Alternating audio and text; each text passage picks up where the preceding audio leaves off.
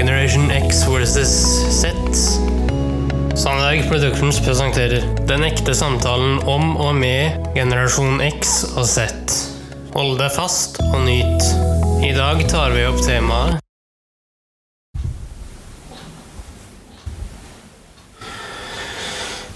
Hei, hei, kjære lytter, og hjertelig velkommen til luke to av vår eh, lille julekalender. Eh, Og i dag så skal vi ta opp eh, et tema som står mange nær, nemlig hvilke land som feirer russisk-ortodoks jul. Ja. Russisk-ortodoks. Det må jo være noe med Russland å gjøre, da. Russland, Sovjet, kanskje i nærheten av det. Men eh, jeg tror det beste er å snakke med spesialisten selv, og det er Natalie, er det ikke det, kjære sønn? Jo, jo, jo. Eh, Hun er jo da opprinnelig fra Ukraina, men eh, er bosatt i Tyskland. Ja. Eh, så ja Får bare høre fra henne da, hva hun har å si, og så ja. ja, det gjør vi.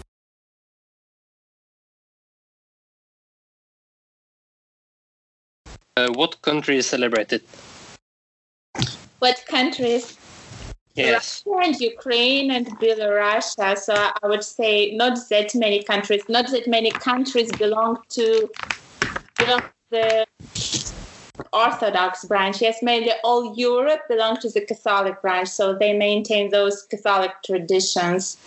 And I would say Belarus, Russia, and Ukraine. Ukraine. So these are yes, it's a post-Soviet country. So we do maintain tradition of celebrate celebrating Christmas on the 7th of January. Ja, nå fikk vi iallfall høre hvem som feirer russisk-ortodoks jul.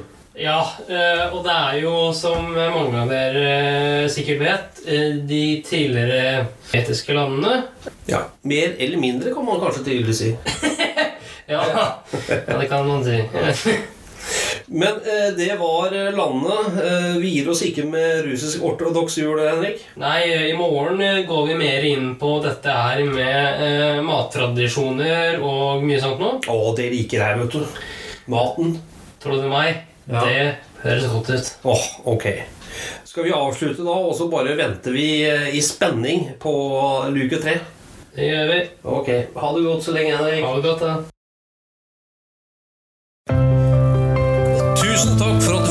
Oss. Eh, Gi gjerne tilbakemelding, likes eller kommentar på Facebook-siden vår Generation X versus Z. Velkommen igjen til neste podkastepisode. Hei då!